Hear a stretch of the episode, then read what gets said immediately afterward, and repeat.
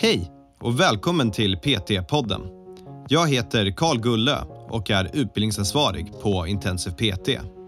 Vi har utbildat personliga tränare sedan 2012 och vill hjälpa så många människor som möjligt till en aktiv och hälsosam livsstil. I varje avsnitt kommer vi att prata med olika människor om träning, hälsa och entreprenörskap. Varje samtal har ett unikt ämne och vårt mål är att inspirera dig till att vilja förstå mer om hur det är att arbeta som personlig tränare eller att hjälpa dig framåt i din karriär som PT. Um, ehm, jag var IT-ansvarig där lite grann. Det var kortvarigt. Efter att ha blivit mordhotad av en elev så var det så här, nej vi skiter i det här. Jag jobbade som telefonförsäljare och sålde bolån. Och Det tror jag är en av de absolut bästa sakerna jag gjort, för då fick man lära sig att inte vara rädd för att plocka upp telefonen och ringa folk. Jag pluggade en ekonomikandidat. Um, jag stod i en klädbutik och sålde skjortor. Uh, och Alla de här olika sakerna det gjorde jag samtidigt. Inte för att jag kände att jag var tvungen, men för att jag ville lära mig någonting. Idag blir det då ett avsnitt med Karl Gulle. Han ska få prata av sig till Han ska berätta hur hans resa från eh, gymnasiet till eh, dagsläget ser ut. Vad han har varit med om i gymvärlden. Så håll till godo. Nu kör vi. Så, är du redo nu Andreas? Jag har varit redo i fem minuter. Okej, varmt välkommen till PT-podden. Hur mår du Andreas? Jag mår bra, men det är inte jag som ska säga välkommen till dig, för vi ska börja med din historia idag, eller hur? Ja, okej. Varsågod, ta över. Varmt välkommen till PT-podden, Karl Gulla. Så inte ens det klarade du av? Nej, det, det blir inte superbra, det erkänner jag också. Nej, Men eh, vi, vi får se, för resten av avsnittet blir kanske också ett kast, för vi ska få lyssna på din historia. Ja, vi har redan börjat tjafsa om den. Ja. Eh, Men eh, vi får ju regelbundet frågor eh, från folk som är färdigutbildade och tänker hur, eh, ja, men vad gör jag nu? Vad är nästa steg? Och många verkar tro att det är så pass enkelt att du går en utbildning, du får en heltidsanställning, du tjänar din lön, du har massa PT-kunder från början och vägen är väldigt rak. Men så, jag känner ingen som det egentligen har varit så för. Nej. Så nu ska vi prata om först din och sen får vi se om det finns tid över för min väg också.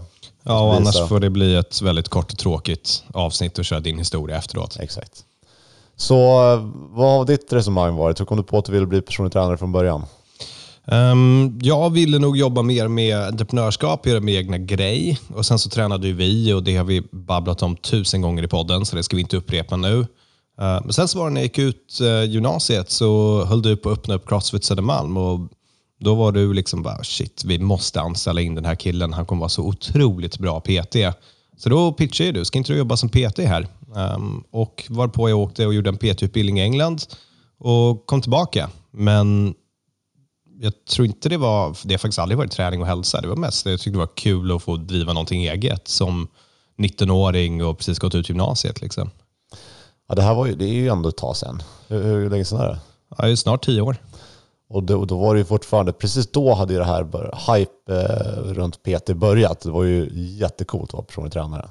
Det var ju alla kändisar var ju tillsammans med sina personliga tränare på den tiden. Ja. status. Eh, men ja, vår historia skiljer sig lite grann där som vi sa. Att jag kommer inte ihåg alls att vi var intresserade av Karl. Tänkte att ja, han får väl göra det jättegulligt att han vill försöka sig på det här.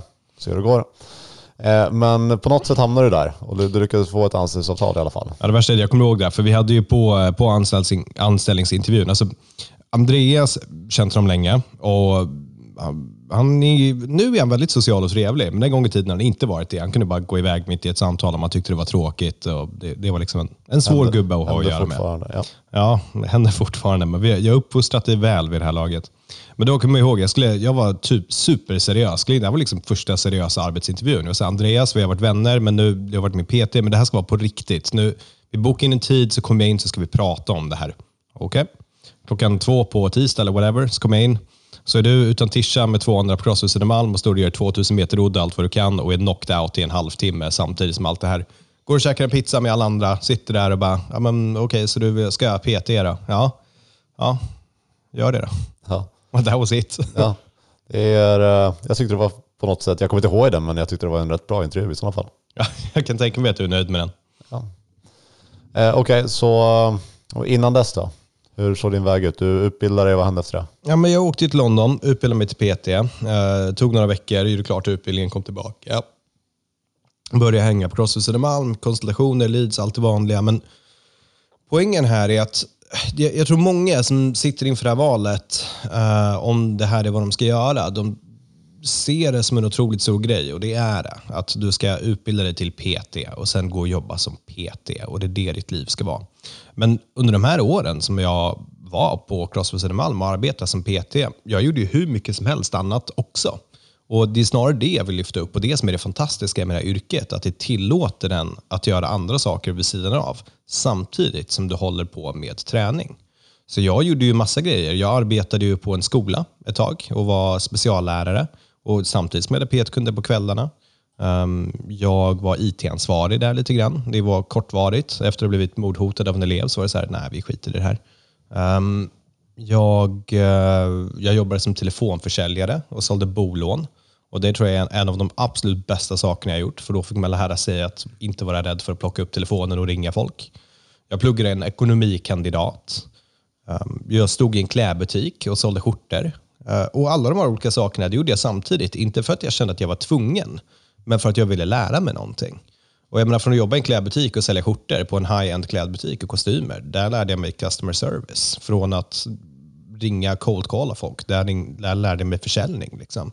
Och alla de där grejerna, det, det får man vid sidan av när man har någonting annat samtidigt som man jobbar som PT. Och du har jobbat heltid som PT också? Ja, precis. Det är hur... till och från under de här åren. Det, det, här är ju tio års tid. Så vissa år har jag jobbat som PT heltid och vissa år har jag jobbat kanske fem timmar i veckan. Och vad har vi för för och nackdelar med respektive om du jobbar deltid som PT eller heltid som PT? Hur ser du på de skillnaderna? Ja, men det, det är ju rätt stora skillnader. All, du får ju mycket bättre snöbollseffekt när du är heltid. För du har fler kunder, de här kunderna kommer rekommendera andra kunder, så när det blir så att någons kontrakt tar slut så har du en stor volym, du har mycket folk. Eh, det är enkelt, du, du behöver inte resa runt lika mycket om du har olika saker igång samtidigt. Så på så sätt så är det klart enklare om du är heltid på en plats. Men nackdelen med det här yrket kan också vara att det blir, eh, jag vill inte säga enformigt, för det är det inte, för det är olika kunder. Men till slut så ta hand om andra människor. Du kanske tappar bort dem och tar hand om dig själv. Och Då kanske du behöver något yrke där du inte måste bjuda på dig själv lika mycket. I alla fall om du tänker göra det här i tio års tid. Då, då kanske du behöver blanda upp lite ibland. Eller så var det för mig. Och Där är fördelen att man kan flexa till det. Att du kan få det bästa av att hjälpa folk. Om du känner att jag behöver trappa ner lite grann på det där och göra någonting annat. Eller i mitt fall plugga en ekonomikandidat. Så går det alldeles, alldeles utmärkt. Och hur har du sett på heltid som PT? Hur många klienter per dag innebär det för dig? Jag har ju varit där och jobbat 45 timmar i veckan och det går ju inte. Det är katastrof. Man mår ju skitdåligt av det. Eh, det, det jag brukar rekommendera nu är att man ska jobba en 30 timmar i veckan som PT. För mig idag, om jag skulle gå tillbaka till den världen, då skulle jag kanske vilja ha 25 timmar och ta betalt därefter så att det kan vara ett arvode som funkar. Eh, bara för att jag tror att jag kan leverera bäst kvalitet på den mängden volym. Men där någonstans tycker jag funkar bra. Och på den volymen så kommer det vara lite variation på klienter oftast. Absolut. Vad har vi för tips till de som känner att alla klienter kanske inte ger dig den energin som egentligen behövs som personlig tränare? Den femte klienten på den femte dagen i veckan, att du ska fortfarande orka. Okej, okay, så vill du ha ett av mina hemskaste men bästa tips? Ja. Um, du ska göra en lista så ponera att du har jobbat ett tag nu. Det, det, här är kanske inte när du är helt ny, men eller ska du ha den här listan och alltid uppdatera. Den ena listan, på vänster spalt, då ska du ha eh, de kunderna du tycker är roligast att träna. Och sen på höger spalt, de som betalar mest pengar. Kanske tränar tre gånger i veckan och så vidare. De här personerna cirklar du in och du behandlar dem som gudar. Du grattar deras barn när de fyller år. Du ger dem gratis Nocco. Du, du älskar de här kunderna och får dem att må så bra som möjligt. En annan lista, det är de kunderna du tycker är minst roliga att träna, de du tycker att du har ett sämst kemi med. Och på andra kolumnen så tar du de som betalar minst. Och om samma kund är med på den listan så att du inte tycker om att träna dem och de betalar väldigt lite, då är det potentiell tid du kan lägga på någonting annat. Och Jag säger inte att du ska vara otrevlig mot den kunden och få dem att sluta, det är inte det. Men du kan överväga att prata med dem och se om det här är faktiskt någon som inte gillar träningen heller. För att om du inte tycker det är så kul och så jättebra, förmodligen tycker inte kunderna det heller. Och det är en dialog man ska föra. Jag kan tänka mig att de kommer överlappa ganska mycket. De som tränar mest betalar mest pengar och de är förmodligen också roligast att träna för att de tränar mycket och de väljer att vara där. Ja. Och tvärtom. Så det måste vara ganska lätt att ja, blir det en rangordning av klienter? Det blir det. Och jag vet inte om det är helt PK att säga så, men det är, um, det, det är så man måste jobba. Eller det är så man jobbar om man vill ha kul på yrket, göra länge. För det är också, om du tar och selekterar de kunderna som du tycker om och betalar mycket, förmodligen har de folk som är likartade dem i samma, samma krets. Så om du tar de personerna och sitter ner och pratar med dem och frågar vilka har hjälpt dig? Kan jag hjälpa dem? Kan jag bjuda in dem på gratis träningspass? Ska du, vill du bjuda med några vänner på ett pass? Då kommer du förhoppningsvis få mer kunder i den sortens demografi. Roliga och välbetalande. Jämfört med om du tar då den kunden som du tycker är absolut tråkigast och betalar minst och säger ja men vet du vad, kan inte du ta med dig fem vänner? Då, då kanske det blir lite bittert och tråkigt i sådana fall. Kanske inte, vem vet, men testa. Och händer det att eh, du har inte känt någon eh, kemi överhuvudtaget, du tycker att det är tråkigt och eh, du tar den här diskussionen med klienten och de tycker raka motsatsen. Att va? Det här är ju det bästa jag vet, det är ju höjdpunkt på en vecka. Hän- Händer sådana grejer? Eller är det alltid att eh, de känner samma sak? Nej, det kan absolut vara att de känner att det här är helt super, det här är det bästa som finns.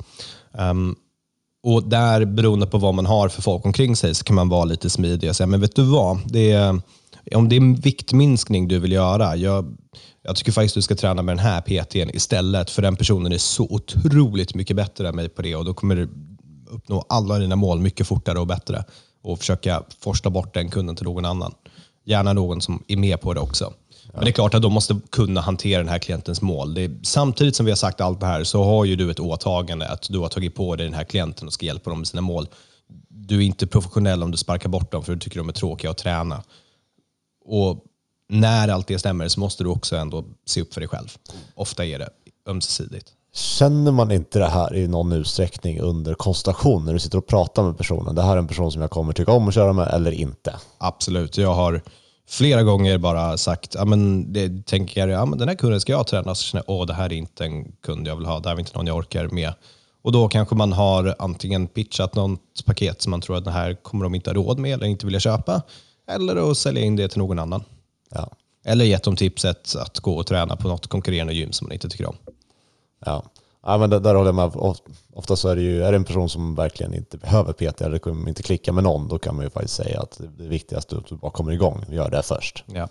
Men så finns det också de som jag jobbar ju alltid med personlig tränare som har svårt för säljprocessen och som egentligen tar emot allt. Och säger du, jag vet precis vem du ska komma igång och träna med. Karl här borta. Han är perfekt för dig. Ja. Och så kör de på så hoppas man att det går bra. Ja, ja men precis. Och det är schysst mot kunden, det är schysst mot den andra PTn, det är bra all around. Men det, själva poängen med allt det här det är att det här yrket är så pass flexibelt. Så att om du sitter där och ska göra din avvägning, liksom, oj nu, ska jag, nu är jag utbildad mig, nu ska jag söka en heltidstjänst och köra. Poängen bara är att beslutet måste inte vara så stort och så läskigt. Testa. Gå och sök tjänsten. Börja lite deltid. Börja lite lätt. Se vad du tycker. Se om det är nice eller inte. Om du hatar ditt nuvarande jobb, kan du byta det till någonting annat? Fundera bara på alla olika möjligheter och förstå att vägen är inte linjär. Det är inte så att du börjar på en plats och sen kommer det vara rakt igenom. Om du funderar tillbaka på karriären som du har haft, var den linjär till den punkten du är idag? Förmodligen så är svaret nej. Och så kommer förmodligen också det vara om tio års tid. Du kanske blir eh, att du börjar på ett gym och så slutar med att du öppnar ett eget. Eller att du blir någon fitness-influencer. Eller att du är den personen som skapar Netflix, Jane Fonda-träningen som ska vara hemma. Det, det kan vara vad som helst. Och du kan nog inte ens förutspå vad som kommer ske om tio års tid. Hade du gjort någonting annorlunda om du fick göra om? Jag hade hittat en bättre arbetsgivare till mitt första jobb. Det är ett bra råd. Ja, det hade jag absolut gjort. Nej, jag älskar precis varenda steg av det. Och jag älskat också att...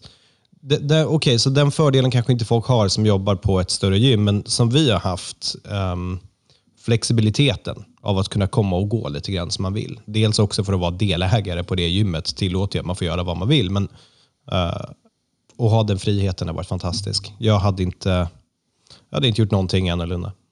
Vi pratar ju en del i den här podden om vanliga misstag som en PT kan göra och det primära då är ju kanske hur du jobbar med dina klienter. Men det finns ju minst lika många misstag som du kan göra när du väljer din karriär som PT.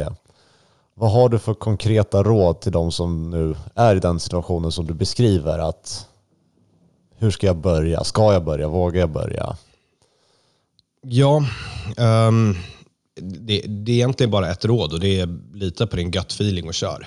Förmodligen så vet den om det här är rätt eller inte.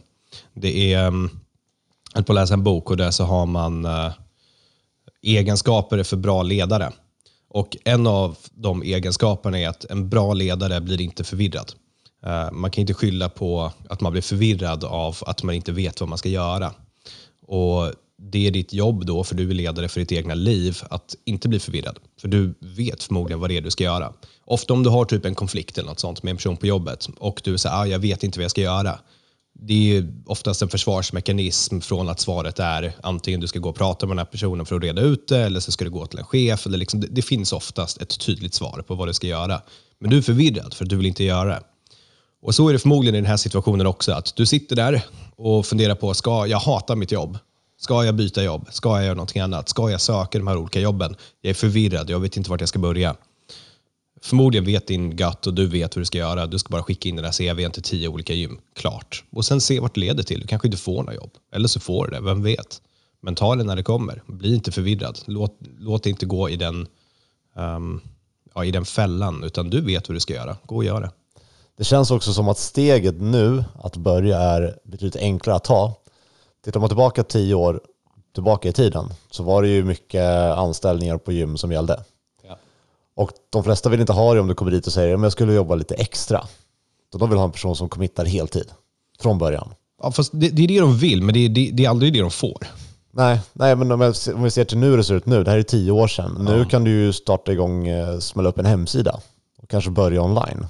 Precis. Så steget nu, du behöver liksom inte säga upp dig från det jobb du har direkt, utan du kan ju testa själv lite grann först, testa lite, lite färdiga program. Ja, och om du är egen och har typ enskild firma eller kör cool company, det här är faktiskt ett hyfsat bra betalt yrke. Eh, kanske inte när du är ny på den här låga skitlönen, men om du ska fakturera, liksom, ja, men säg du fakturerar 900 kronor per timme och så vill du ha två kunder på kvällen fyra dagar i veckan du kommer en bra bit på det ändå för att gå ner i tid på ditt jobb som du hatar att göra och få göra någonting du tycker är kul. Och särskilt för det enda du behöver är sex vänner. Du behöver lite folk som kan prata med och nätverka med dem. Liksom. Ja, nej, så det, det kan vi ju enas om. Det har aldrig varit lättare om, för en ny personlig tränare som är utbildad att komma igång än det är nu. Det är både billigare, ja. enklare, som du nämner också med faktureringstjänsterna, att du behöver inte starta upp ett eget bolag för att driva eget längre. Ja. Så det, alltså det går inte så att jämföra med hur det var för 5-10 år sedan. Nej, det är så lätt. Köpa reklam är enkelt också. All, allt är enkelt nu. Ja. Mycket, mycket enklare. Jag kommer ihåg när jag registrerade min hemsida, karlgulla.se. Det var det första jag gjorde.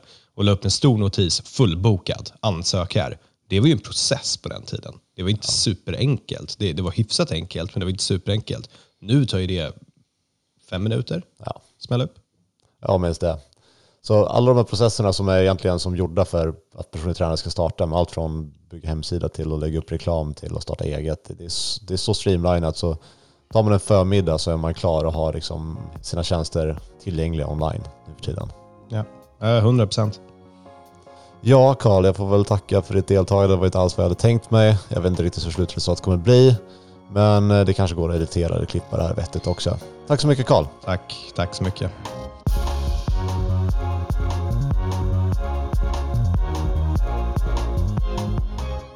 PT-podden är producerad av Intensiv PT. Om du vill veta mer om våra utbildningar och gå med i nätverket av framtidens personliga tränare, gå in på www.intensivpt.se.